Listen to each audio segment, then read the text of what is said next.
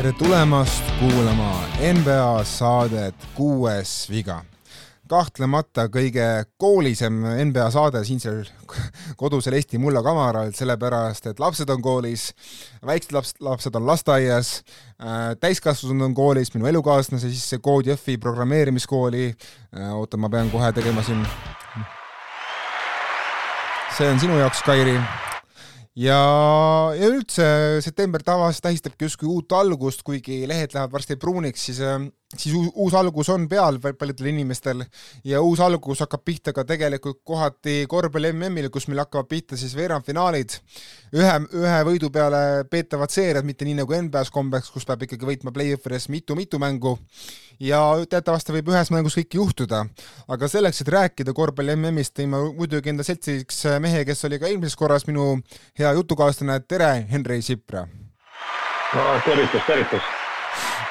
Uh, Henri, kõigepealt uh, soovin ka sulle algava kooliaasta puhul uh, head teadmist, Janu, kui sa peaksid mingil, juhuslikult mingist koolist osa võtma, investeerimiskoolist või millegist muust. aga räägi mulle kõigepealt sellest, et palju sa jõudsid neid korvpalli vahealagrupi mänge vaadata? no nüüd vaatasin isegi võib-olla vähem suurema fookusega kui eelmist ringi, et äh, mida nagu see ringid on edasi läinud, seda rohkem on see Läti tõmmanud nagu kaasa vaatama, Leedule alati ja noh, kahju, et Soomet enam ei ole, aga ja no loomulikult vaatab ka seda, et kuidas see USA vastu peab ja, ja samuti siis Kanada, Kanada selline esmatulek, et noh, Kanada mõnes mõttes oma miinimumeesmärgi on juba täitnud, et olümpiapilet taskus no olümpiapiletid on päris mitmel koondisel taskus, me räägime neist veel ka lähemalt. Äh, ma arvan, et mõned inimesed juhuslikult veel ei tea, et sina haldad Kristas Borsingise fännklubi lehte Facebookis. et äh, räägi, kas sul on selle MM-iga tulnud äh, lehele juurde palju uusi jälgijaid või kuidas üldse sellel lehel tegevus on nüüd selle Läti suure, suure eduloo taustal? no eks seda tegevust oleks oluliselt rohkem, kui see Borsingis ise ka mängiks, aga kuna ta on ise seal kohal ja, ja noh, toreda mehena ja vist Luka Panki ilmselt teda palus ka, et ta saaks sinna jääda, et ta on niisugune natukene maskott ja tõmbab seal meedia seda müra eemale fännidega ja ta on väga kasulik mees kaasas ja, ja lõpptulemusena jah, siin tõesti mingi, ma ei tea, kolmveerand miljonit kontakti on juba olnud selle MM-iga no tõesti, no me peamegi, ma arvan, alustama Lätist äh, selle, selle võib-olla selle turniiri lõikes, sest äh, üks asi on teha selle prügiseks Prantsusmaal teine asi on teha silled prügiseks Prantsusmaal, Hispaanial ja Brasiilial. okei okay,, no Brasiilia võib-olla ei ole päris võrreldav kahe Euroopa suurriigiga, kuid siiski teha seda kõik ilma Borzingiseta, kes on äh, meeskonna ikkagi vaieldamatu liider, teha seda kõike, noh, teha seda Poolanist ilma Tairis Bertansita, kes on meeskonna kapten, äh, veel mitu meest jäid tegelikult koju vigastuste tõttu, et äh, no kohati on ikkagi see Läti lugu kõige-kõige uskumatum nendest veerandfinalistidest. Ja noh, kõik siin ütlevad, et Luka Pantsi, Luka Pantsi, eks ole, no olgem ausad, ega Pantsi nüüd saab teha ainult nii palju, kui ta saab teha pingil, et ikkagi mängida on need, kes toovad võidud koju, näiteks minu jaoks minu jaoks pooleldi tundmatud, noh, selles mõttes loomulikult nime teada, aga nagu ei ole väga kursis tema tasemega, Grazulis, Zagars ja, ja muidugi ka Davis Bertans, kes on siis ainukene praegune NBA mees seal, seal koondises, no täiesti müts maha, et äh, Grasulis eriti ma mõtlen, et tule NBA-sse selle mängu pealt. jah, et äh, Grasulis äh, tõesti tegi ennast ka kangelaseks ja võib-olla siin see Gundar Svetra seda mängu sellist, kuidas ta nagu kommenteeris seda seal Delfi abiga ja see nagu kanti lehte üle ka, et, et ta ütles kuidagi huvitavalt, et ta ei igatse vastastiimidele eh, Läti tiimi eh, sellist eh, skautimist, et ta lihtsalt, üks asi, et infot pole ja teine asi, et iga, igalt poolt võib midagi tulla, vaata. et võib-olla Smith, Smith on tuntud mees ja, ja seal mõned veel, aga teisi no ei oska oodata, noh no seda, noh, ongi see Saagars on sellest kõige parem näide, et mees, kellel pole praegu üldsegi lepingut tulevaseks hooajaks, äh, mängis siis Leedu kõrgliigas äh, viimast hooaega, noh, oli seal nii ja naa, et ega ta midagi nüüd su-, suurepärast ei olnud, et ta tegi, tegi küll korraliku hooajaga, aga, aga ei olnud midagi täitsa võim-, võimatut. Ja, ja nüüd noh, ma võtaksin, siin ka Eesti kommentaatorid on öelnud Go3-s, et kui ma oleks Saagaris agent, siis natuke oleks nägu naeruv küll seal turniiri vältel ja ta, üsna kindel on see, et tal võiks olla nüüd selline Euroliiga aken, et ta, ta kindlasti ka üritas sinna NBA-sse, aga ta on ju meeter üheksakümmend, et sihuke kuus-kolm, et sellisel mehel on no sinna ookeani taha, sinna, pigem tal ei olegi mõtet sinna ronida, et tal siin Euroliigas oleks päris hea mürada täiesti nõus ja te tegelikult, kui sa isegi vaatad seda Läti nagu koondise mängupilti, noh, üks on see, pall liigub jube-jube hästi ja me tõesti meeskonnakaaslased usaldavad üksteist, kaitses ponistatakse nii, nagu vähegi võhm lubab ja füüsilised võimed lubavad äh,. väga vähe on niisuguseid nii-öelda pikki pikki perioode, kus ollakse justkui peata, et pigem alati nagu ollakse ikkagi mängus kohal peaga ja, ja mõtetega. ja natukene nagu näha seda, et, et kui on üks NBA mees nagu rosteris, siis on tõesti Taavis Bertels, kes, kes võtab ikka kohad ja täiesti nagu pööraseid viskeid, aga, aga samas noh, me teame, et ta NBA-s on pannud neid pööraseid viskeid korduvalt ja korduvalt sisse, ta on tegelikult seda teinud ka Euroopas äh, partisani ridade eest, kus ta plaanib väidetavalt tagasi tulla karjääri lõpus et äh, lihtsalt seda Taavis Bertansi minekut on, on lausa lust näha ja ma tegelikult täitsa tõsimeeli ootan, et mis saab Taavis Bertansist järgmisel hooajal Oklahoma City's, sest ma arvan, et selle mängupildiga on ta endale kindlustanud rosteri koha nüüd järgmiseks hooajaks no Bertans on ju alati saanud mängida, et tal, tal on see streaky shooting või kuidas nad seal vaatavad teisel pool lompi teda, et see kõik on selle pealt, et kui tal ei ole neid minuteid, siis ta, ta võib-olla ei ole selline mees, kes pingilt tuleb ja siis sähvatab võimsalt, et need on teised mehed, et tal on ikka seda kindlat rotatsiooni vaja jah, täiesti nõus, et kui sa annad talle ikkagi väga üksikuid minuteid niimoodi, et ei saa rütmi kätte, siis Bertans ei ole nii kasulik, kui ta muidu oleks. Äh, aga ma arvan, et tegelikult Oklahoma Cityl Kilgust Aleksandri ja Zayah Joe, Jalen Williamsi, Bertansi ja Holm, Holmgreniga võiks olla üks väga võimas viisik, kes on väga hea viskevõimega Joe ja Bertansi näol. et, äh, et, et ma tegelikult täitsa ootan seda Bertansit järgmisel hooajal Oklahomas, aga lähme edasi siit äh, suurriigi juurde, keda, keda,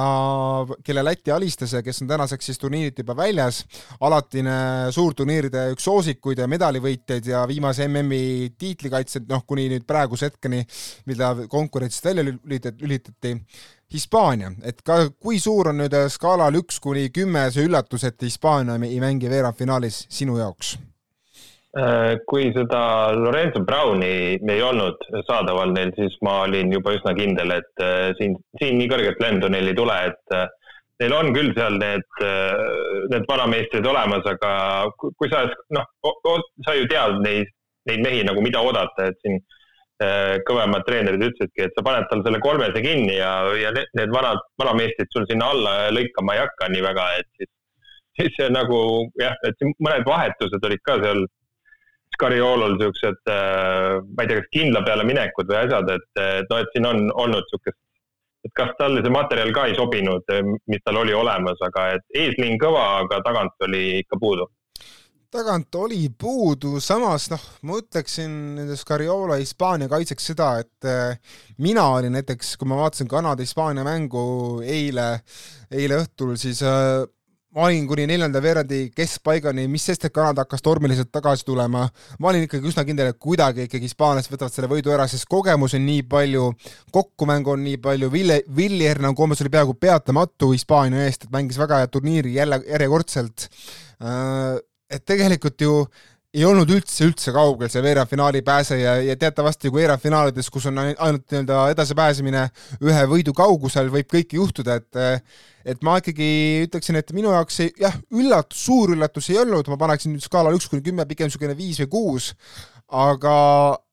aga kuidagi ma ikkagi arvasin, et Hispaania pressib ennast edasi, et äh, ja ikkagi ma võtan mütsi maha Erna Gomezi vendade eest, et kuigi NBA-s nad ei ole olnud juba mõnda aega suured tegijad, siis koondisest ja FIBA süsteemis on nad väga head ja ma täitsa ootan Hernan Gomezite vendade järgmist hooaega Euroliigas ma tegelikult, ma arvan, et nende tõttu ma hakkan Euroliigat ka rohkem vaatama. ei, absoluutselt ja siin Euroliigas, noh, ma olen teda nüüd siin viimased paar hooaega noh, kogu aeg natuke jälginud, aga võib-olla kui siin NBA kõrvalt rohkem aega teinud, et eh, ka vaadata, et noh, mehi tuleb ju ka sealt järjest rohkem siia, et see korvpall läheb järjest rohkem nagu globaalseks, et, siis sa peadki nagu vaatama, et mis siin toimub või mis seal toimub, et, et sa ei saa ühte asja nagu äh, väga hästi jagada, kui sa üldse ei tea, mis teises toimub, noh, mingi sellise pilguga ja, ja see, see ilmselt nüüd äh, paistab, et nüüd uue selle juhtimisega läheb ka Euroliigas järjest paremaks, vähemalt võiks minna. No mul näiteks Hispaaniast, Hispaaniast veel rääkides, siis nende noor Nunes nüüd erilist muljet ei avaldanud, küll aga mulle täitsa väl-, noh, niisugune episooditi meeldis see Brizuela mäng ja ma täitsa, täitsa huviga nagu vaatan nüüd järgmist hooaega Santi Aldamal, sellepärast et Aldama mängis praegu Kanada vastu ikkagi väga mehist mängu ja tegelikult oli väga lähedal sellele, kerkida üldse Hispaania kangelaseks, ta on ikkagi kahekümnendate alguses olev noor mängumees, kes on praegu Memphis Grizzliesi äh, varupikk, et äh, Santi Aldama praegu natukene avas silmi minu jaoks ja ma täitsa huviga ka vaatan seda, et mis saab Uspanga Rubast, et kas kas ta saab nüüd NBA lepingu endale tulevaseks hooajaks või ei saa, ma millegipärast arvan, et ta kusa-, kusagilt ikkagi mingi two-way lepingu vähemalt saab, aga Garubal muidugi nii hea turniiril ei olnud kui Aldamal, minu arust. jah, no ma ütlen, see, kus tegelikult ikkagi selgelt head need eurooplased ja siis nad on seal kuidagi vinduvad seal USA-s ja neid ei kasutata ära selle äh, natuke teistsuguse mänguga, ma ei ole üldse nende lepingute fänn, et nojah, selle raha saad kätte, aga see on nii masendav, kui neid, kui sa nende fänn oled, sa ei näe neid lihtsalt, et samamoodi nagu see Bertans, et äh, see, kuidas Spursist teda ära kasutati, seda oli kihvt vaadata ja siis natukene veel oli seda Wizardsit ka, aga edasi on ju üks õudus olnud, et noh, lihtsalt mingi, et toome, toome sisse, viska nüüd mulle kolm-neli kolmest kogu aeg, eks ju, et see on nii, nii tüütu, et ma ei ole nende selliste ma ei tea, viis minutit kuni kümme minutit äh, lepingute fänn väga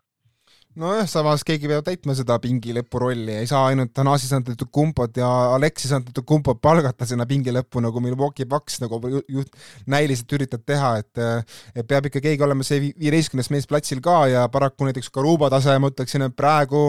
ei võimalda midagi enamat kui seal NBA pingilõpu roll ja mis on täiesti okei okay,, sest Karuba on väga noor mängumees veel, ta on ka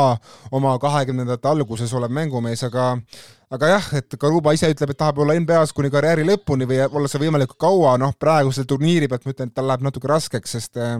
seda viset ikkagi väga ei ole ja pikkust jääb ka natukene väheks, et seal all, all mürada. aga võib-olla jätame Hispaania sinnapaika, räägiks paarist koondisest, kelle, kelle teekond jäi ka lühikeseks, aga kus mängivad lahedad NBA mehed Austraalia võib-olla üks suuremaid pettujaid sellel turniiril, et äh, lootsid ikkagi, et saavad edasi. Sloveenia vastu justkui olid paberi peal kõik, kõik variandid olemas, aga kohe juba mängu esimesest veerandist alates oli selge, et Sloveenia vastu midagi ei tule. ja, ja, ja sinna see, sinna see edasipääs ka jäi. Josh Giddy sellel turniiri vältel siis keskmised näitajad näiteks uh,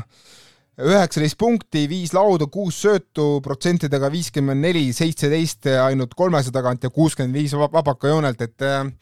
et mis sulle nüüd Gidi puhul silma jäi või üldse Austraalia koondise puhul? Äh, Austraalia jäi ikka päris nagu nooreks, et ja selle Päti Millsi peale selle viskamisega tundus, et nagu äh, sellist kindlust äh, jäi nagu vajaka, et seal mõne mehe oleks võib-olla taht veel saada ikka juurde Äh, just näiteks see Landale, et jäi välja, see oli üks minu arust päris suur äh, hoop neile näiteks, et noh, siuksed äh, suured asjad koosnevad väikestest asjadest, et seal võib-olla nooruse taha jäi natukene, et noh, viskamist isegi nagu punkte ju tuli, aga, aga jah, see Fiba mäng ja, ja see kuidagi jäi midagi puudu nagu, et see, see koondis võib-olla isegi seal treeneri pingilt natukene tekitas küsimusi, kuidas neid mehi kasutati ja, ja siuksed mured no ma nüüd ühinen natukene sinu arvamusega, aga ma oleksin natukene isegi karmim, ma vaatan, leian, leian, kas ma leian praegu üles selle äh, selle roppuse endal ja leidsin ülesse. Et äh, Austraalia peatreener. Lihtsalt ma olen nagu et ma olen, ma olen nagu täitsa nagu maruvihane selle Austraalia koondise peatreeneri peale, sellepärast et äh, täiesti suutmat-, noh, see oli nagu täielik käpardlikkus, see, kuidas ta kuidas ta üritas sulandada kokku meeskonna nooremad ja vanemad mängijad, et see, see ei saa olla niivõrd raske ülesanne, nagu, nagu see peatreener nagu praegu üritas seda muljet jätta pärast turniiri antud pressikonverentsil, et äh, vabandust väga, kui sul on ikkagi näha, et Joe Ingles ei liigu enam üldse platsi peal, noh te, tegelikult mees on ikkagi selgelt vanaks jäänud ja enam pole seda viset ka või jul-, julgust võtta viskeid. sa näed, et Patty Mills on kasulik ainult nagu hooti ja sa ei kasuta üldse Josh, sa kasutad Josh Green'i mingisuguse abistava kaitse rollis, sa annad mingi väga episoodilise minutit talle, kuigi kuigi ta on selgelt meeskonna parim kaitsja. Matisse Taibel on ka justkui väljas, vahepeal on sees, vahepeal on väljas. Nick Hay mängib suuri minuteid, kuigi ta on palju kehvem mees kui selgelt, kui see duo Brief või Xavier Cook no ja siis sul on pingi peal Chris Golding, Austraalia liiga parim snaiper ja see nädal peaaegu, peaaegu mitte ühtegi minutit, kuigi on näha, Josh Giddy vajab ühte snaiprit enda kõrvale. no vabandust väga, aga nagu tõesti, mid-, mida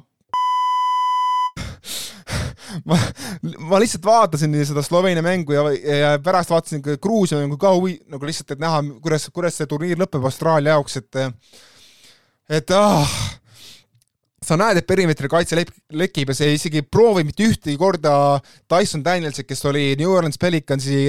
nagu särgis üks äh, parimaid äh, uustulnukatest kaitsjaid üleüldse NBA-s, et Äh, et ma lihtsalt arvan, et see koondis vajab uut peatreenerit, ta vajab uut äh, hingust, sul on aeg on äh, lahti lasta Ingelsist ja Nick Case'ist ja veel mõnest mehest, et aeg on lihtsalt tuua uus veri sisse ja, ja midagi pole teha, et see praegune mängupilt ei kannata minu arust mitte mingit kriitikat ja kiidan Josh Kiddit, kes oli palju agressiivsem palliga, kes tõesti äh, kohati kandis kahekümne aastaselt liidri rolli väga hästi välja, aga lihtsalt Josh Kiddil polnud piisavalt abi tegelikult minu silmis, et Päti Millis aeg-ajalt oli, aga, aga natuke ei väheks seda ja see oli minu arust peatreeneri süü ei, absoluutselt, see Austraalia oleks pidanud igal juhul nagu siit selle ühe ringi ikka veel edasi vedama, et äh, siin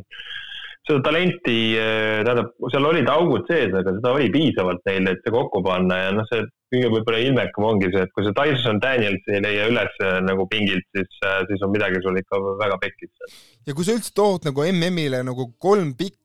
kes noh, tegelikult sul on ju veel, et Don Maker on olemas, tegelikult oli seal, oli, oli olemas seal rotatsioonis enne seda filtreerimist, selle lõppkoondise filtreerimist. sul on tegelikult neid pikki mehi veel, et sa ei pea nagu seda Nick Cade'i nii palju kasutama, ma lihtsalt ei saanud kunagi aru sellest, sellest peatreeneri usaldusest Nick Cade'iga, kuigi oli näha, et ta sai pidevalt kõrvetada Sloveenia mängijate poolt, võrreldes näiteks Cooki või Reefiga, kes, kes tegelikult olid palju paremad mängumehed, kui nad platsil olid, minu silmis. aga ma isegi, ma isegi arvan, et Duo Briefil on täitsa NBA potentsiaal olemas näiteks. ei, absoluutselt, see Riiti, ma seal nägin ikka sähvatusi ja tema, tema puhul ka, et nagu noh, oluliselt parem mees, kui ma oleks osanud arvata ja siis vaata, kuidas seal enne koondise komplekteerimist öeldigi, et nii, nii kõva koondis on, et isegi Delavedova ei saa nagu sinna sisse, eks ju noh, jah, Telli on ka vanaks jäänud, aga, aga samas mingid Inglesid ja asjad said sisse, et siis noh, et siis on omaette huumor noh, selles mõttes. jah äh,, lähme edasi sellest äh, emotsiooni kütnud Austraalia koondisest, et äh, võib-olla võtaks veel ette paar koondist, kes jäid napilt-napilt selle veerandfinaali ukse taha. Dominikaani Vabariik, Puerto Rico äh, olid ka siis väga lähedal sellele, et, et justkui jõuda edasi, aga mõlemad said viimasel päeval vahegrupis kindla kaotuse vastavalt siis äh, Serbia ja Itaalia käest, kuigi Puerto Rico isegi näitas päris head võitlust kolmandal veerandil et äh, ma kiidaks siis Puerto Rico poolt niisugust äh, meest nagu Tremont Waters, väga lühike mängumees, aga lõpetab turniiri keskmise kahekümne punkti üheksa resultatiivse sööduga äh,. ja Puerto Rico kindlasti natukene üllatas mind positiivsest küljest ja Dominican, noh, ma ütleksin, et kuigi suurt eesmärki ei tulnud, et saada olümpiapilet ja veerandfinaali, siis Carl Anthony Towns väärib tunnustust, et ta tuli lõpuks koondisega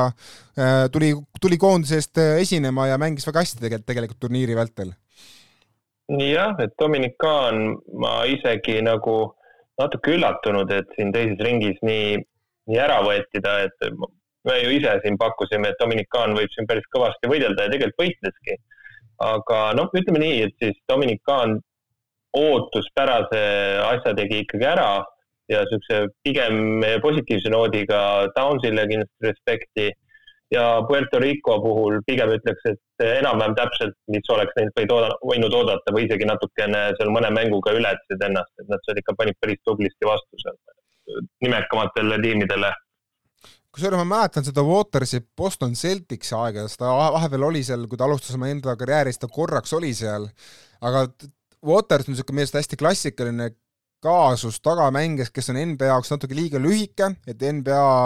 treenerid ja juhtkonnad teda usaldaks, aga FIBA mängu jaoks on ta oma triblamisoskuse ja, ja sööduoskuse ja, ja viskega täitsa ideaalne mees, et eh, tuli kohegi, tuli kohe meelde näiteks eh, Bo McCaleb ja mõned mehed veel, kes on nagu lühikeste mängumeestena FIBA-s väga hästi säranud või kas või näiteks Patty Mills, eks ole. et, eh, et tegelikult ma arvan, Puerto Rico leidnud endale väga korraliku vundamentlüli selle Watersi näol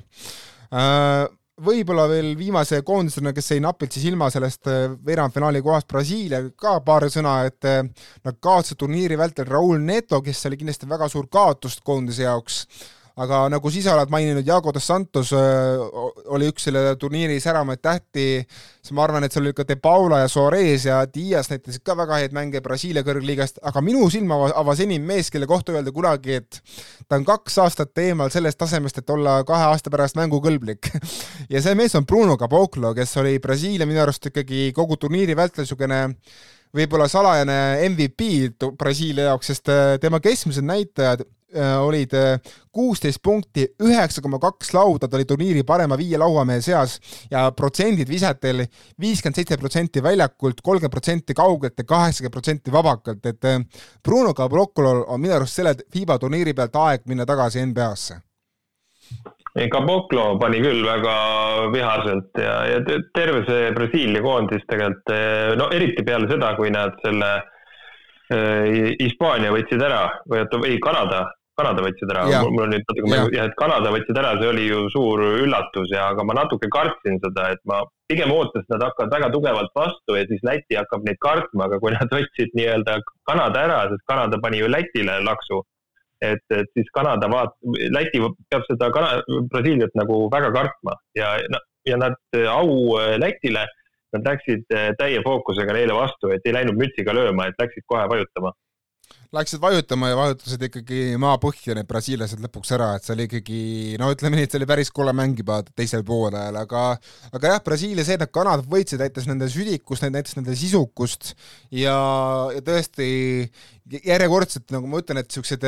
Kossu suurturniirid, mis on rahvusvahelised, annavad just nagu mulle kui eelkõige NBA jälgijale ikkagi küllaldada sealt juurde uusi mehi, kellele hakata nagu pöialt hoidma Euroliigas või kusagil mujal, et äh, nagu sa ise ütlesid, et just see Jago dos Santos on mees, kes, kes nüüd äh, äratas minu nagu huvi ja ma tahaksin talle täiesti tõsiselt vaadata, kuhu tema karjäär lõpuks küündib, niisuguse nagu alamõõdulise tagamehena, et äh, neid, neid, neid tüüpe on alati kuidagi lõbus vaadata. See Dias võib ju ka vabalt sealt Brasiiliast, kui ta tahab, ma arvan, ta saaks ACB-sse mingi koha, et niisugune pikk kaks null seitse paneb kolme hästi, tänapäeva mängumees täiesti ju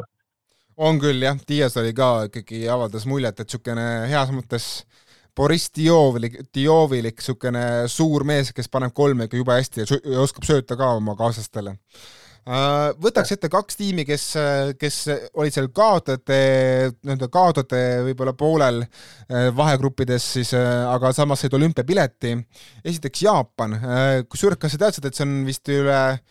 üle kuuekümne aasta või midagi sellist, et on see esimene kord, kus Jaapan kvalifitseerub niimoodi olümpiaturniirile, et ta ei ole võõrustaja maa. et äh, ja ma arvan, et siinkohal peab kogu Jaapani rahvast võtma oma mütsid maha ja kõik muud asjad ka maha selle saja seitsmekümne sentimeetrise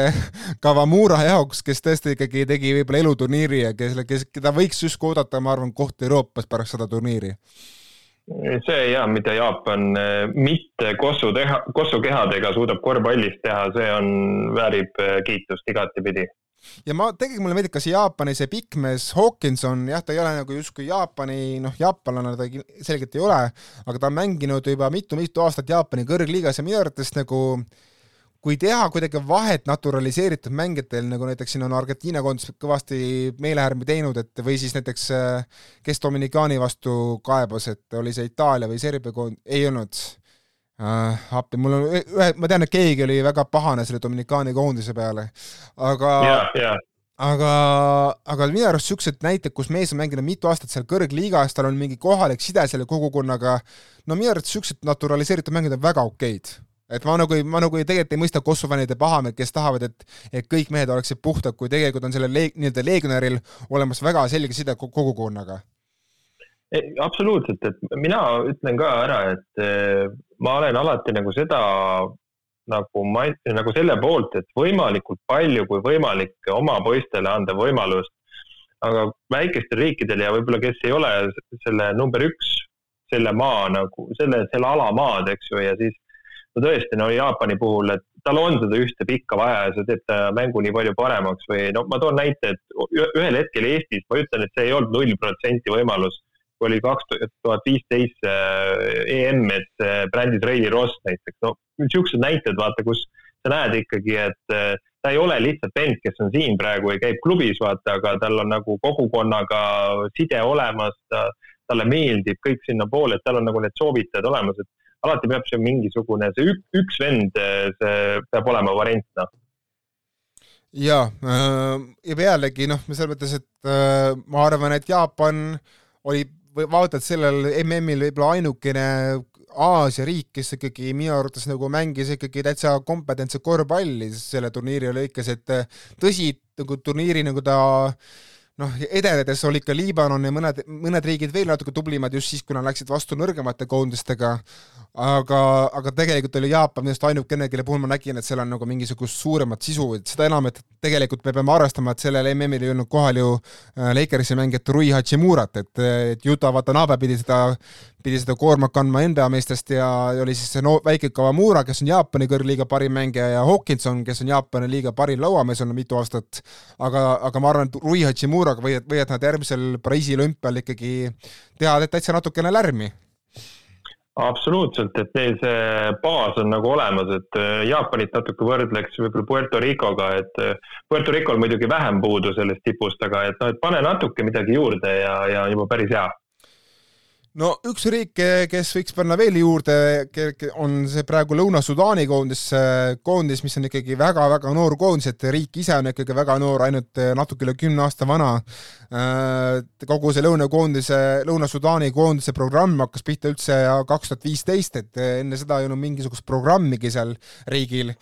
ja suuresti on seda programmi rahastanud ja vedanud endine NBA mängija Luol Deng, kes oli ise kes on ise Sudaani perest pärit, aga kolis siis äh, noorena koos oma perega Suurbritanniasse, sai seal kodakondsuse ja pärast tuli NBA-sse. aga Luol Deng on siis pärast oma mängikarjääri võtnud südameasjaks selle, et Lõuna-Sudaan saaks nende jalad alla spordi mõttes ja jällegi ma arvan, et see on väga märgiline väga,, väga-väga meeldiv hetk Lõuna-Sudaani ja üleüldse Aafrika spordi jaoks, sellepärast et äh, viimasel olümpial Tokyos Lõuna-Sudaan, Lõuna-Sudaan sai ainult mõned üksikud äh, kohad äh, sellepärast, et äh, neil oleks nagu justkui noh, no tead küll nagu solidaarsuskvoot, ütleme siis niimoodi, et muidu ei oleks neil peaaegu ühtegi sportlast seal olnud, aga lihtsalt solidaarsusest paar kohta neile anti, nende sportlased oli, oli kõik peaaegu viimaste seas, kes, kes seal esinesid loomulikult, aga nüüd on koondis ikkagi, Kossu koondis meeste oma endale väga ausalt endale koha välja teeninud ja tegelikult kogu see Lõuna-Sudaani lugu on üks kõige inspireerivamaid sellelt MM-ilt ja eriti nagu eestlastele vaadata, vaadata, noh, et me mõnes mõttes me oleme ju sarnased, et nad on kõige nagu noorem riik maailmas ja et äh, Eesti-sugune riik ju ja eestlased üldse peaks kaasa elama sellistele uutele, et kes, kes tahavad nagu vabad olla ja ja, ja, ja noh, see, mis seal Aafrikas, noh, sinna poliitikasse ei lähe, aga nagu kui sa oled ikka mingi rõhumise all ja siis saad nagu vabaks ja siis sa saad kuskil spordis läbi lüüa. ja see on nagu sihuke Erika Salumäe sihuke fenomen, et vaata, sa saad mingisuguse mõnusa hetke endale vaata ajalukku kohe kirja. jah, ja ma lihtsalt arvan, et tänu, tänu sellele, et Lõuna-Sudaan nüüd saab sinna Pariisi olümpiale, saab ka Aafrika korvpall endale kõvasti-kõvasti kajastust juurde, mis annab ka järjest suuremad šansid selle jaoks, et äh, üha rohkem Aafrika talente Ugandast, Sudaanist, Kamerunist ja mujalt, et jõuaks rohkem ka NBA-sse, et äh, seal päris mitu need Lõuna-Sudaani kutti, kes äh, seal platsi peal käisid, kusjuures üks tüüp oli alles kuueteistaastane äh, ja ta peaks olema kaks tuhat kakskümmend viis NBA drafti üks, äh, üks kõrgemaid valikuid tõenäoliselt.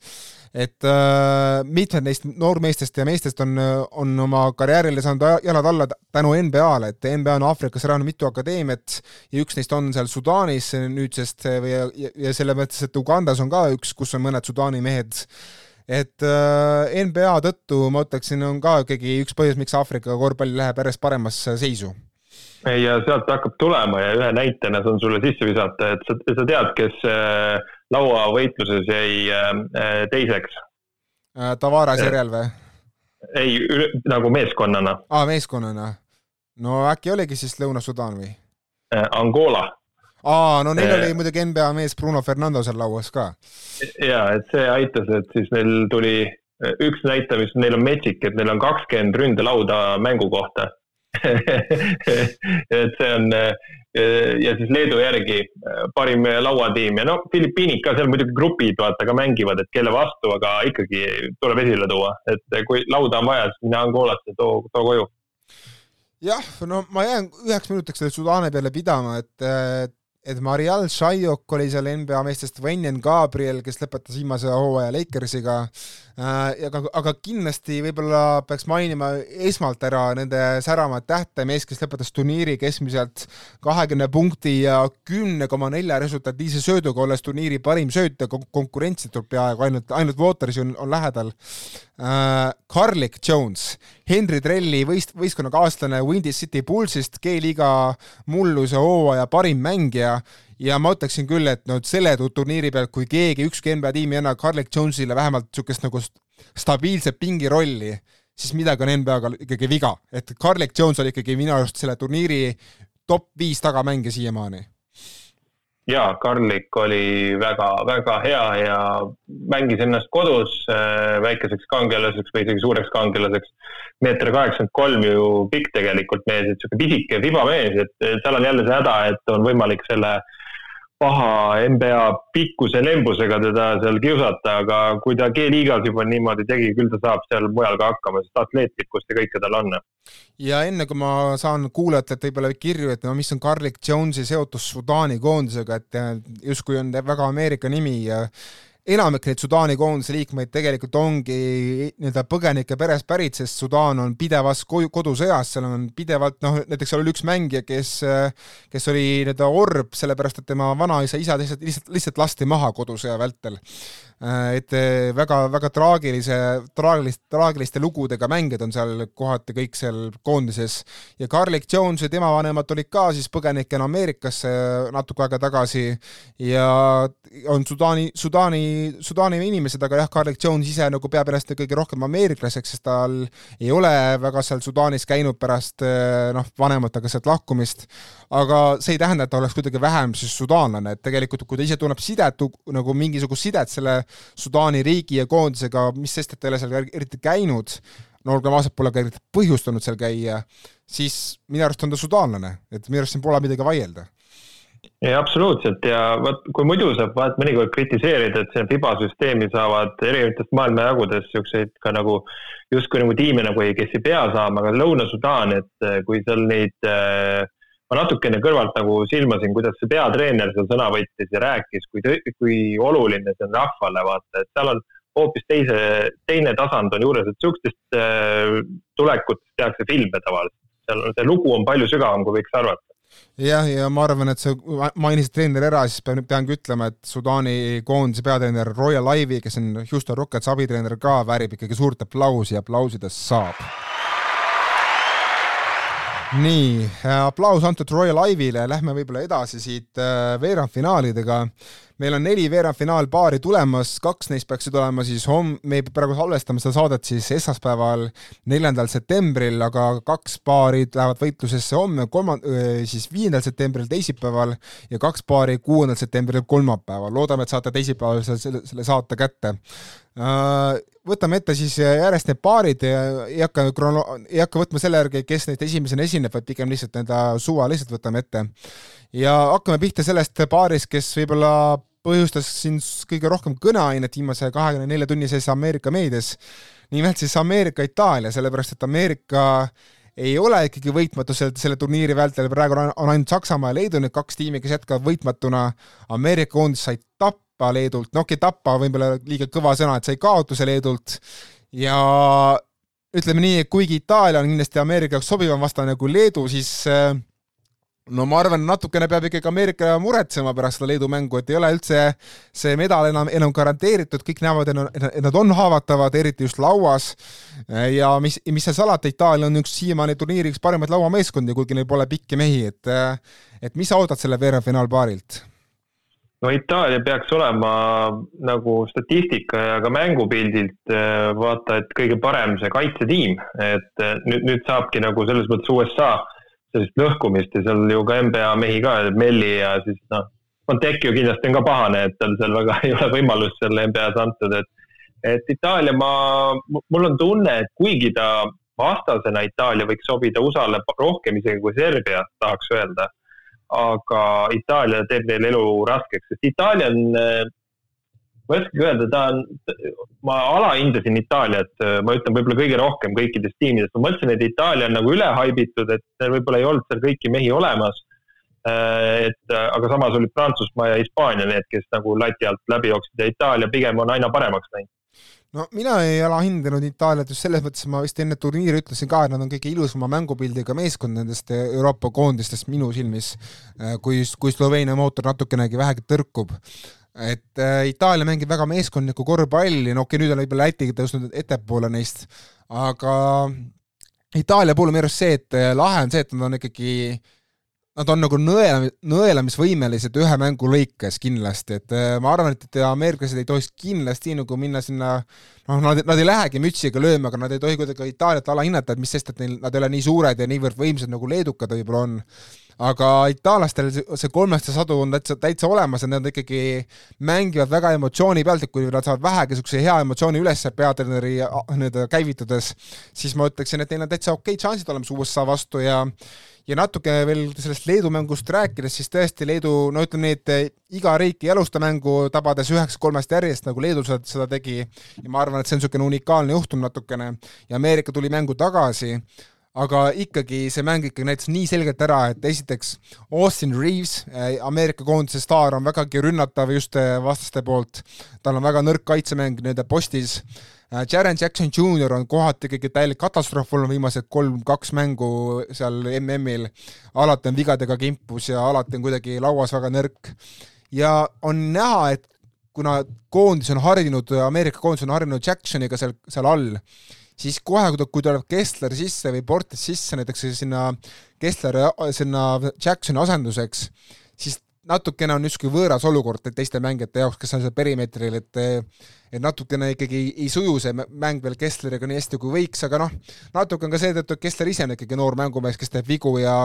oodata Kesslerit suurt, suurt nagu lahingut Valanciunase, Valanciunase suguse mammutiga võib-olla ongi natuke liiga palju tahetud sa võid seda ümber lükata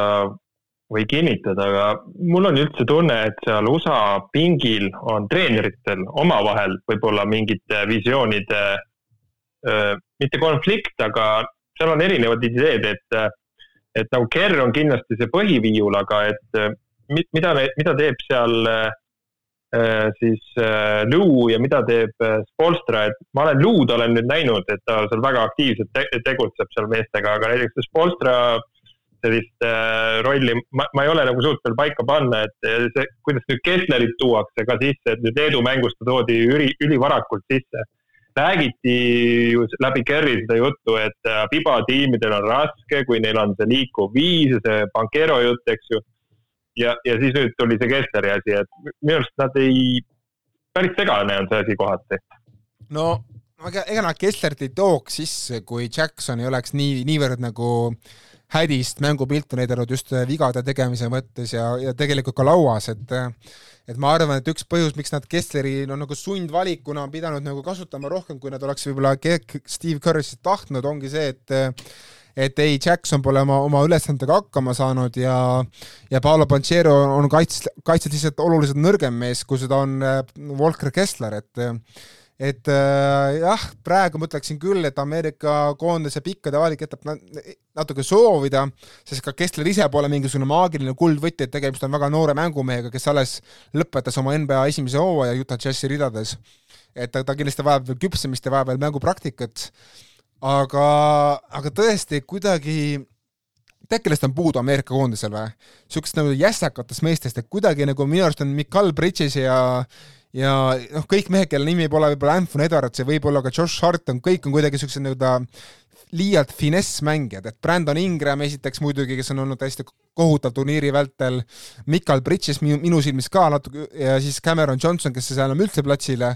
et äh, natuke kuidagi liiga kiitsekad mehed, et FIBA mäng vajab niisugust natuke jässakust rohkem.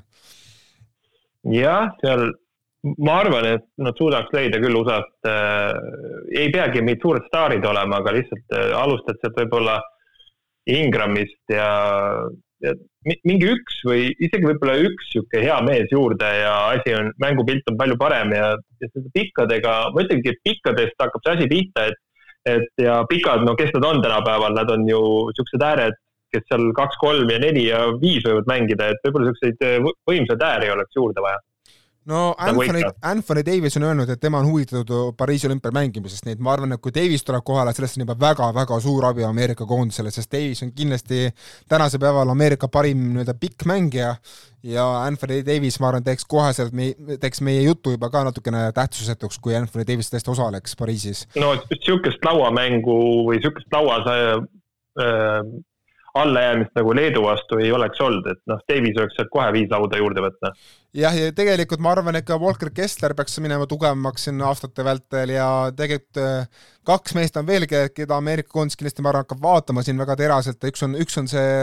Mark Williams, kes on Charlotte Hornetsis ja teine on äh, Jalen Duren, kes on äh, Detroit Pistonsis, et äh, mõlemal on väga head kehad, väga head lauavõimed tegelikult olemas, et ma arvan, et nemad hakkavad Kesslerile konkurentsi pakkuma ja võib-olla üks mees on veel, kelle, kelle puhul nagu tahaks näha, et tal läheks rohkem raam tugevamaks, on see Cleveland Cavaliersi Evan Mobley, kes seekord jäi kõrvale, et tegelikult nagu natukene materjali on, aga tõesti, kui sa vaatad ka NBA-d kes seal on nagu tipust lauanumbrite poolest nii ründelauas kui ka kui nagu üldiselt laudade arvestuses enamik on välismaalased, et Rudi Gobertist alates kuni lõpetades noh, Clint, Clint Capelani ja muude meesteni, et Valanciunaseni, et, et Ameerika noored pikad on natukene hädised ja ja ma kardan, et see Chet Holmgren, kes nüüd tuli Thunderisse, pole ka mingisugune lahendus, et tema on ka seal kiitsakas ikkagi, et, et noh, saab näha, kas need Duren ja Williams ja Kessler siis lõpuks kolme, kolme peale annavad mingi lahenduse välja või ei anna no ja, et, et USA mängus võid selle small ball'iga seal teha, eks ju, aga piba mängus sa pead ju ikka lauda võtma juurde ja lisaks, kui sul Leedu on eh, turniiri parim eh, lauavõtja ja viskab sulle kolmeseid viiekümne kuuese protsendise tabavusega, sa ei tee ju midagi, et isegi natuke nime, et eh, USA nii vähe kaotas, et seal oleks võinud veel hullema sahmakas tulla. muidugi nüüd, kui tulla, tulla tagasi Itaalia, USA juurde, siis noh, ütleme nii, et Leedul oli mehed olemas, et karistada seda Austin Reavesi kaitses ära. Aga ma ei ole kindel, kas Itaalial on need mehed olemas, kuigi noh, mine, mine seda Fontecchiot ja Spissut ja Richit tea, et võib-olla nad tõesti võtavad selle Reave'i jälle üks-ühele ette. Ja sest Reaves tõesti jäi väga-väga suurde hätta viimases mängus. Äh,. muuseas, ma ei, ma ei ole seda mängupildiga nagu kinnitada, ma ei saa, aga ma siin võtan kinni siin Kalev Kruus ja nad seal oma poodis tõid välja, et üks Severini on neil niisugune mees, kes siin varem ei saanud üldse platsile, kaks null neli, niisugune mees, et äh, väga hea pluss-miinus näitajad ja viskab kõik visked ära, mis talle antakse, et noh, niisugune kümme punkti, et ta, Itaalial on ka ühesõnaga niisuguseid vingeid äh, kehasid seal kuskil peidus. ja noh, Polonara tegelikult ei ole veel siiamaani säranud, et neil on tõesti veel mehi on peidus, kes võiksid seal USA vastu särada üks mees, kellele ma ei saa tegelikult väga suuri etteheited teha, on Anthony Edwards, kes on tõesti nagu siiamaani olnud ikkagi noh, järjest rohkem ikkagi USA koondise liider, mida, mida, mida edasi nagu aeg läheb. ja Edwards on tõesti minu natukene silmi ka avanud, et äh, ta küll ei ole Kevin Durant ja seda kindlasti ei ole ma arvan, et pärast seda MM-i võiksid igasugused Brandon Ingrami ja Kevin Duranti võrdlused kohe ära, ära lõppeda, sest noh, Ingram on praegu olnud ikkagi Duranti mitte isegi vari, vaid noh, ma ei tea, ma ei oska seda võrdlust teha, et Ingram on olnud Duranti prügikast, ma, see on ka liiga, liiga, liiga kole võrdlus, aga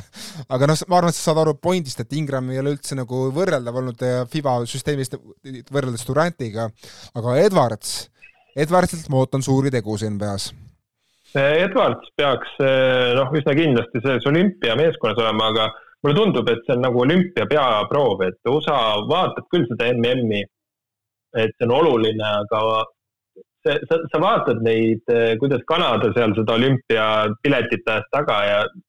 et ütleme nii, et Euroopa meeskondadele see MM-i võit on eh, palju olulisem kui siin mõnele teisele koondisele, et eh, USA-s on mingi niisugune asi, et olümpia on vist nagu, ma ei tea, kordades olulisem neile kui Kosovo MM, kui meie võib-olla nii palju ei vaata seda nii no sellepärast, et Kosovil meil on kolmkümmend kaks riiki ja olümpial on kaksteist riiki, nii et, nii et selles mõttes, et see valim on ikkagi palju väiksem ja mänge on ka vähem. Äh, ja aga, aga tõesti, ma arvan, et see on kindlasti ajalooline taak sellest Dream Teami nii-öelda ajast juba alates ja, ja eks see paraku ka nii jääb, kuna ameeriklased on nii-öelda, nii-öelda sisse võetud olümpiast rohkem kui MM-idest nii jalgpallis kui ka korvpallis. nii et äh, paraku see nii on aga USA on selle paari selge soosik, ma oleksin ikkagi üllatunud, kui itaallased võidaks, ma ütleksin, et protsendid on niisugune minu silmis kuuskümmend viis, kolmkümmend viis, mis tegelikult on isegi kõrge Itaalia kohta, et ma ütleksin, et kõrgemad, kui ma arvasin enne, enne turniiri. ja keda sina arvad, et kes sellest paarist ikkagi, no pigem ütleme nii, et kui suureks sa pead Itaalia võidulootust? no sihuke kolmkümmend viis protsenti kuni isegi nelikümmend, no tähendab, nelikümmend võib-olla on palju, kolmkümmend viis on sihuke hea piir ja kolmkümmend, noh, ütleme nii, et äh, ma arvan, et neile see KOF äh, võidule, vaata vist Leedul oli kaheksa, noh, vaata see peaks ka iseloomustama seda võiduprotsenti, et ma ei kujuta isegi ette, ma arvan, et Itaaliale antakse natuke rohkem kui Leedule seda protsenti. ma arvan ka, ma arvan ka Äh, ma pakuks, et see koef on mingi kümne kandis või üksteist kandis. Äh, lähme edasi siit, kui me juba Leedust rääkisime, siis Leedu-Serbia, et ma ütleksin, et see nende veerandfinaalide kõige tasavägisem matš võib-olla isegi, vähemalt paberi peal ja kuidagi üldse nagu mängupildi ja muude asjade mõttes, et äh, minu jaoks on ikkagi peaaegu täielik fifty-fifty, kuigi ma annaksin kerge eelise nüüd selle Ameerika võidu pealt Leedule ja, ja Leedul on ju vist ajalooliselt, kui kohtunud, on nad üldiselt nagu Serbia kätte saanud, vist neid ei ole palju olnud, äkki ongi üks kord niimoodi olu-, olulises mängus nad said ühe pronksi kätte Ser-, Serbiaga oli vist kolmanda koha mäng, kas see oligi mingi mm millalgi, aga või oli Eurobasket, aga ma kuskilt jäi see silma lihtsalt, aga praegu ütleks küll, et Leedu on äh, vähe säravam kui Serbia olnud. No Serbia siin just siin vahegrupis nad natukene noh, pehmelt öeldes nagu kehvasti üllatas selle ebastabiilse mänguga võrreldes siis äh, alagrupi turniiriga, et kohe, kui vastased läksid natuke tugevamaks, siis ta oli Serbial ikkagi raskusi rohkem, kuigi Dominikaani pani nad võimsalt paika, seda peab tunnustama, aga ei, ma ütlen ja siin ma tahangi võib-olla vahele öelda, et Enden julges selle välja öelda, tegelikult ta julgeb alati öelda, aga mulle meeldis, et ta ütles välja, et talle see Pesic või, või mis see peatreeneri nimi on Serbial, et yeah. ta ei, ta ei ole tema talendi suurim austaja ja mul on väike kahtlus, et äh, Jokic ei ole ka ta talendi austaja. no samas ma ütlen, et Pesic'i kaitseks ma ütlen seda, et, äh, et Pesic minu arust oskab paremini võtta välja nagu pigistada kivist vett välja tiimides, kus pole nii palju talenti võib-olla, kus pole niisugust nii-öelda suurt staari, et sellega on Pesic päris korralikku tulemust on minevikus ja, ja ma ka praegu ma, ma näen, et tegelikult tiim mängib vaata et paremat näitab mängupilti kui Jokic'iga eelmisel Eurobasketil, et et tegelikult on Pesic ikkagi teeb head tööd, kui koondise liider pole Nikola Jokic. ja sama asi, noh, mingis mõttes sama asi kehtib ka Kreekaga, et eh, okei okay,, Kreekaga mitte, nüüd kui neil on normaalne treener Ituudis ja seal ees, eesotsas, aga eelmine treener, kes seal oli, ma ei mäleta, mis ta nimi enam oli, no see oli küll ikkagi täitsa kohutav inimene, et ta kasutas Nick Halatast rohkem kui Janis Antetokumpot, et õnneks Ituudis parandas selle vea ära, aga noh, see oli ikkagi täitsa košmaar, et millegipärast osad Euroopa treenerid ei saa hakkama oma, oma koondiste parimate talentidega jah, ega see ei olegi ju lihtne kaasata ja, ja vaata siin noh, sellest tuleb kohe juttu äh, on see Saksa, eks ju, et seal oli juba, kuidas võib, võib raksu minna suurte talentidega. Jah, aga noh, ütleme nii, Bogdan Bogdanovitši turniir siiamaani on olnud, on olnud täitsa korralik ja midagi säravat siiski, aga Bogdanil on olnud ka NBA-s päris palju ju vigastusi viimasel ajal, et tegemist pole enam sama mängumehega, kes ta oli kolm aastat tagasi. Ja, ja, ja Jovic on üles ja alla olnud minu arust, et alguses ta sai, noh, kui ei olnud need mängud nii rasked veel, siis Jovic ju seal tegi vaata et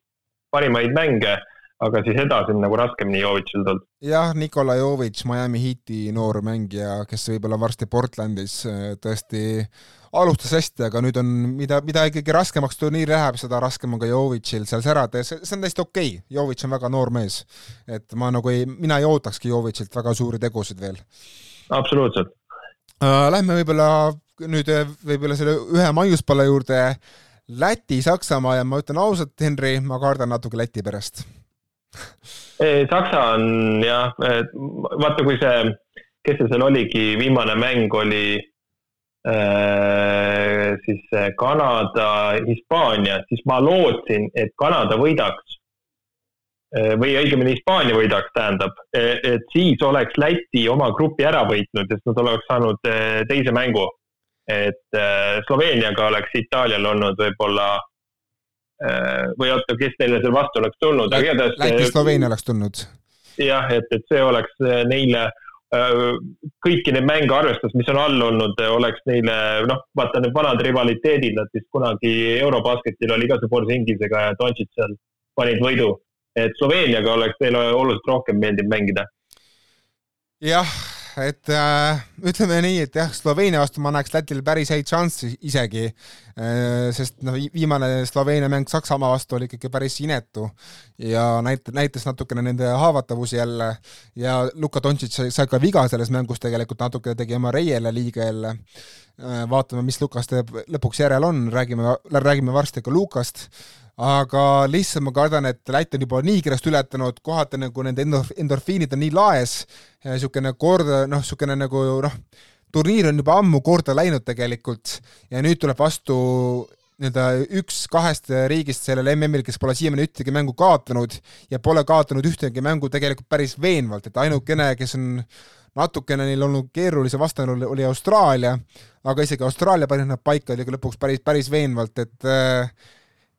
mis sest, et Franz Wagner ei mängi, kuigi mõned saistavad, et võib-olla ta tuleb tagasi selleks mänguks, ma ise seda ei usu, siis, siis kuidagi see Saksamaa mängupilt on väga ühtlaselt nagu hea ja Tõnis Schröder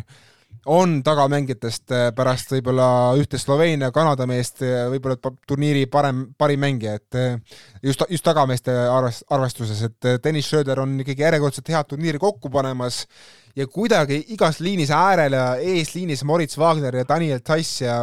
Voigtmann ja Tiimann, kes seal kõik on, see meeskond toimib, ta on nagu õlitatud äh, saksa masin, mis, mis ei peatu. Ja Andreas Ops tõi kolmesed ja visked, kuidagi kõik nagu klapib seal tiimis ja lihtsalt ma kardan, et Läti natukene natukene jääb talendi mõttes liialt alla, et mis sest, et tiimimäng on väga hea, siis Saksamaal on ka see väga hea. jah, Saksa on nagu sihuke,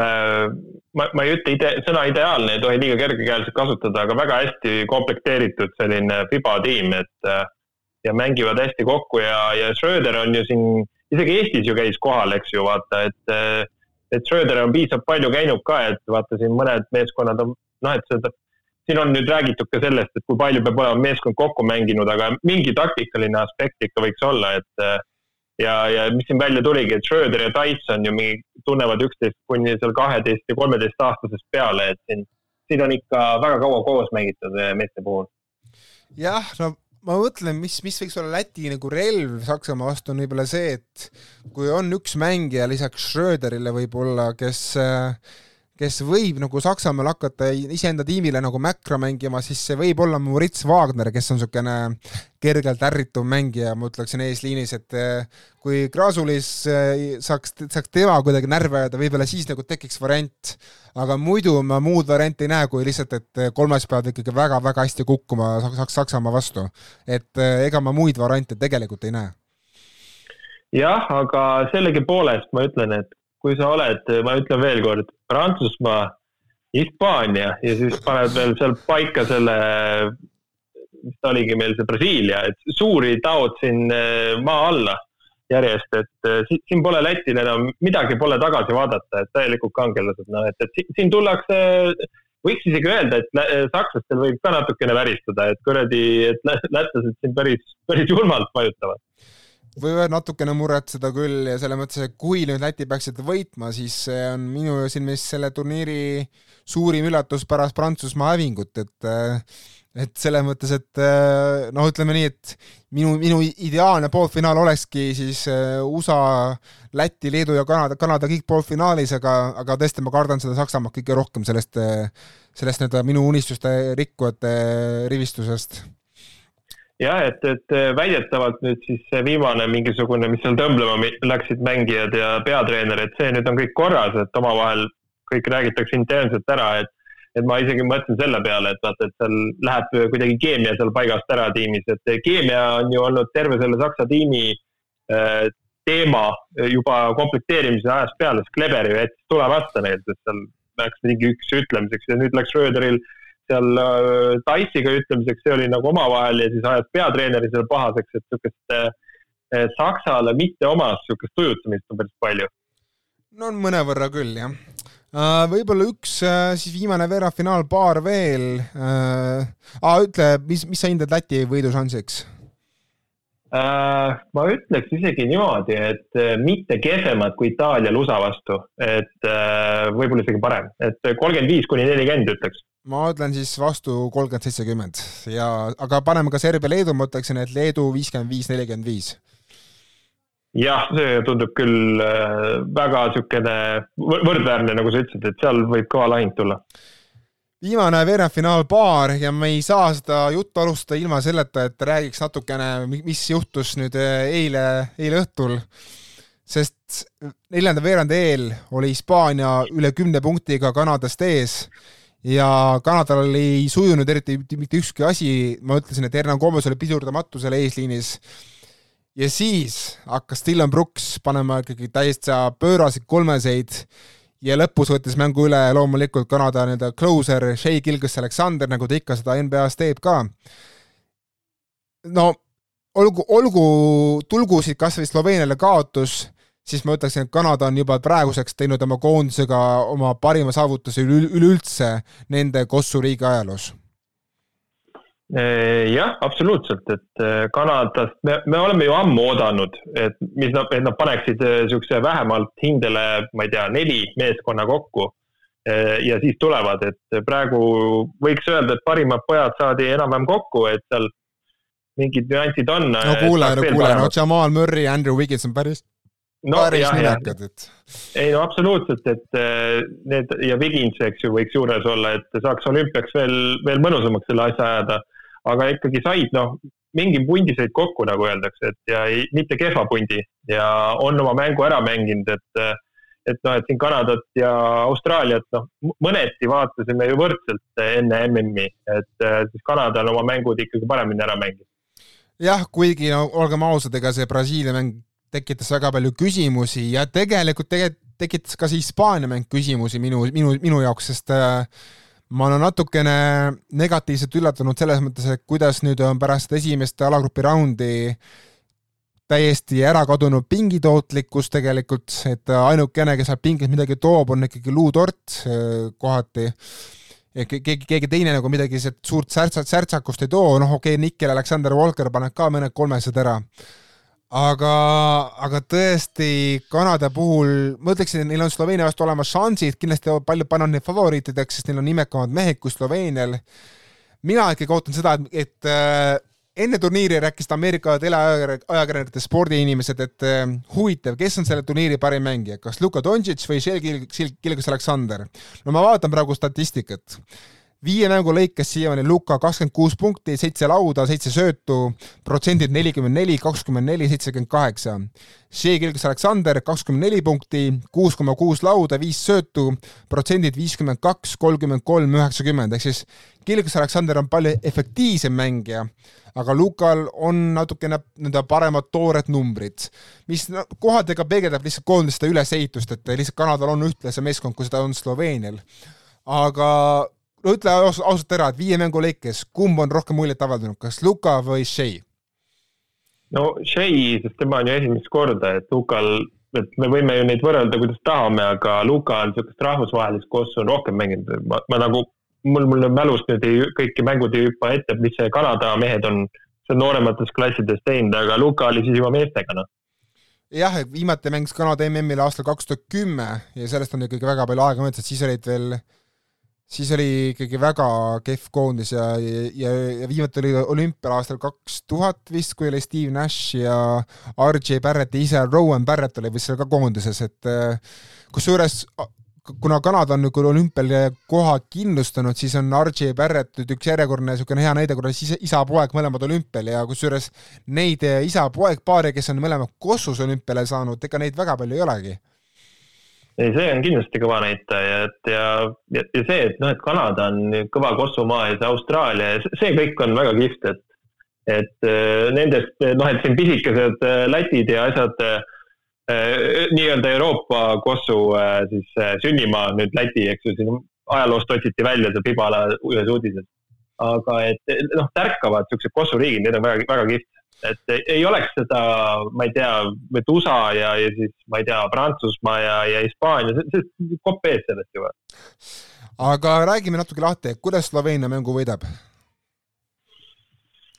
no vaat Kanada, ma ütlengi, et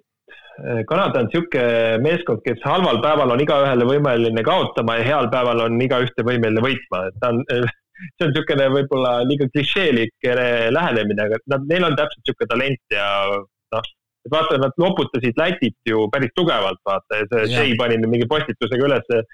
Zagarsiga, eh, et ma ei tea, kas ta ei ole vaadanud, et Zagars on tegelikult väga häid mänge teinud, et paneb niisuguse mehe nüüd mingis seal põlvitamise positsioonis. Aga see ei olnud alandamisena mõeldud, lihtsalt ta tahtis võib-olla kodustele anda märku, et ma olen nagu tulnud siia tegusid tegema, et võib-olla kodus, noh, et sellise sisemise sportliku viha tekitamiseks, eks ju. aga et Sloveenia seda mängu kätte saaks, no Luka show, noh, et nüüd Luka tervise taha jääb väga palju, et seal ma ei tea, kas sealt mujalt on mingit varianti, et tuleb midagi. no selles mõttes ma arvan, et Kanada kindlasti ei tee seda, mida Austraalia tegi Sloveenia vastu, ehk siis äh, millegipärast Austraalia äh, võttis enda südameasjaks, et igal pool trappida Lukat, mis siis äh, tekitas väga palju neli versus kolm olukordi Sloveenia meeste jaoks äh, Austraalia meeste vastu ja Sloveenia mehed, Prepelits ja ja Siimatš ja muud mehed seal ikkagi väga hästi karistasid Austraaliat ära selle eest, aga, aga ma ei usu, et äh, kuna Kanadal on võtta Dylan Brooks, ja neil on võtta ka tegelikult Nikhil Alexander Walker ja RJ Barrett ja Lou Dort, kes, kes kindlasti kõik on võimelised natukene aega Lukat üks-ühele valluma, siis ma millegipärast ei usu, et nad tahavad sedasama teha, mida Austraalia tegi Sloveeniaga, et äh, kui Kanada peaks seda tegema mille, mingil põhjusel, siis ma annaksin Sloveeniale päriselt šansid, et edasi saada, sest Sloveenia on ikkagi veel nüüdseks väga kogenud riik neli versus kolm olukordades ja et siin isegi seda protsenti tõenäosust on isegi raske anda, et ju, justkui vaata mingisuguse ende pealt ütleks, et nagu Kanadal on see võitjakohustus suurem, aga sama hästi võid ju öelda, et ega Sloveenial on, vaata, sest ta on nagu kogenum. nojah, ma ütleksin ka, et Sloveenial on palju rohkem FIBA kogemusi, lisaks Sloveenia ikkagi, olgem ausad, viimased nii-öelda kaks mängu nüüd siin äh, okei okay,, Austraalia vastu nad veel pingutasid, aga siin Saksamaa vastu nad ikkagi lasid teisel poolel ikka täiesti kõielõdvaks, et ei, enam ei pingutanud ka eriti Saksamaa vastu. ja said ikkagi väga suure paki neilt, samal ajal kui Kanada võitles noh, piltlikult öeldes veri ninast väljas Hispaania vastu, et üldse kuidagi see comeback teha neljandal, neljandal veerandil. et äh, ma ei tea, missugune see Kanada meeste vaimne väsimus on, aga kindlasti räägib Kanada kasuks see, et nad ei pea nüüd homme minema platsile, vaid lähevad hoopis kolmapäeval. nii et see natuke räägib Kanada kasuks jaa, absoluutselt, absoluutselt, et äh, kindlasti, kindlasti ka selline väga üllatav mäng ja kui, kui panust hakkad panema, siis vaatad pigem seda Koefi, et kas äkki seal pannakse mööda mingi selle tõenäosusega, ma ei tea, et et Sloveeniale antakse mingi viis või, või, neli või midagi niisugust, isegi nelja peale paneks Sloveeniale päris korralikult, et alla, et tehakse ikka Kanadasse favorit, vaata. et siis, siis ma paneks Sloveeniale igal juhul, aga, aga jah, et, et äh, no põnevat korvpalli tuleb siin kohas. no seal on palju nagu lahinguid, et eh, kindlasti Ameerika meedia räägib eh, väga mitu tundi eetrit täis selle Luka Shea duelliga, sest mõlemad peetakse praegu NBA parimateks noore, noormängijateks ja võitlevad koos Jason Tatumiga selle tiitli nimele ja noh, lisaks äh, Shea Luka duellile, mis kindlasti tuleb, siis ma arvan, et ka kõik ootavad seda Mike Toby Kelly Olünük duelli. Ja, ja ma arvan, et üks mees, kes kindlasti võib-olla määrab isegi ära selle mängu saatuse, võib-olla mitte isegi Luka ja Shea, vaid on natukene jokker, selles mõttes on Dylan Brooks, kes ikkagi Hispaania vastu nüüd riigi aitas välja, aga kohati näitas esimesel poolel ikkagi väga rumalaid vigasid ja väga rumalat mängupilti, väga imelikke viskeid ka teisel poolel oli Dylan Brooks Kanada päästja muidugi, et ma ütleksin, et Dylan Brooks on selles mõttes hea baromeeter, et kui Brooks mängib hästi, paneb oma kolmesed sisse, kaitseb edukalt, siis on Kanadal väga hea seis. Ja kohe, kui hakkab Brooks mingeid lolli tegema, on Kanada justkui ikkagi suures hädas. absoluutselt, et siin ma olen täiesti nõus. Ja noh, üks mees on veel jokker, et ma tegelikult ootan mingisugust säravat mängu ikkagi ka Archie Barrettilt, et natukene on ta minu arust enamaks võimeline kui see, mis ta siiamaani on näidanud. noh, Barrett jah, kaua me oleme seda juttu rääkinud, et eh, Nix võttis ta, et temast superstaar teha, no sa näed sellest nagu mingeid varjundeid ja sähvatusi ja siis jälle kaob ära nojah, ja ta, tal on natuke ka Brooksi moodi natuke rumalad kuidagi otsused, et äh, Archie Barretti puhul ikkagi väga tihti mõtled, et kratsid kukalt, et oota, miks ta nüüd, miks ta nüüd läks ühe, üksinda kolme mehe vastu, et et miks ta ei söönud seda palli ära, et äh, näiteks Shea Gilgus Aleksander näiteks mul, mul, mul tekib väga harva küsimusi, sest minu arust Shea teeb peaaegu alati nagu õige otsuse, et äh, on see nagu rünnak, on see nagu palli ärasöötmine, kuidagi nagu Shea on see on tõesti nagu väärt superstaari tiitlit, aga Archie Barrett ja lihtsalt vaatad ja mõtled, et noh, ongi, sa näed neid üksikuid sähvatusi ja siis kuidagi järsku kaob see kõik ära. absoluutselt, et, et ikka väga, tähendab Kanada puhul ma ütlen Äh, see, sellel meeskonnal, kui sa paned selle Wiginsi ja paned selle Murry juurde, siis on USA-l olümpial väga raske ja pane ka eesliini, kusjuures ma arvan, et äh, Chris Boucheri ja Trey Lylesi, sellepärast et praegu minu arust üks Kanada suurimaid probleeme on see, et äh, neil on tegelikult ainult Powell ja Kelly Olünük, et üksiku minuti annab ka Kyle Alexander, kes, kes mängib Euroopas, aga neil, neil on vaja ikkagi paar NBA meest sinna juurde saada. jah, ja, ja, ja kui need sinna tulevad, siis siis on juba noh, siis on, võiks päris, päris kõva see asi olla. Ma arvan, et siis läheb ikkagi väga kõvaks andmiseks, kuigi eks kindlasti olümpia on ameeriklaste jaoks rohkem südameasi, nagu sa ütlesid, ja ja ma imestaks, kui ikkagi noh, nimekamad mehed kui Anthony Davis tulevad ka nagu ühe korra veel koondisesse, sest, sest... Äh, absoluutselt, absoluutselt. Ja seal võib tulla ju mingi, tähendab, vist ei, seal ei saa nii, et loositakse kaks USA tiimi ja nad saavad varakult kokku, et et, et, et, et kus nad seal võivad pigem see poolfinaal või võivad kokku sattuda või midagi niisugust, et aga no praegu et, sellel MM-il nad võivad, nad saavad kõige varem kokku alles finaalis, et kui nad peaksid sinna jõudma, et ega neil pole enne poolfinaalis pole mingit varianti kokku saada, et et noh, mingil määral ma ikkagi natuke loodan seda, et kui Läti-Leedu ei õnnestu see finaal unistuste paar, siis USA-Kanada on minu jaoks nii-öelda soovitud stsenaarium number kaks. Aga jah, seal Leedust või Serbiast mööda saada Kanadal saab olema ikka väga raske saab olema väga raske, eriti just Leedust, et ma arvan, et Leedu on üks riik, kes neile ka väga hästi sobib, et Serbia võib-olla veel, aga, aga Leedu tõesti väga raske. nii, tund ja kuus minutit oleme rääkinud, aitab kah äh,. ega muid uudiseid ei olegi, siin Ameerika meedia räägib endiselt Janise kommentaarides Paksi teemal, me neist juba rääkisime eelmisel korral. ja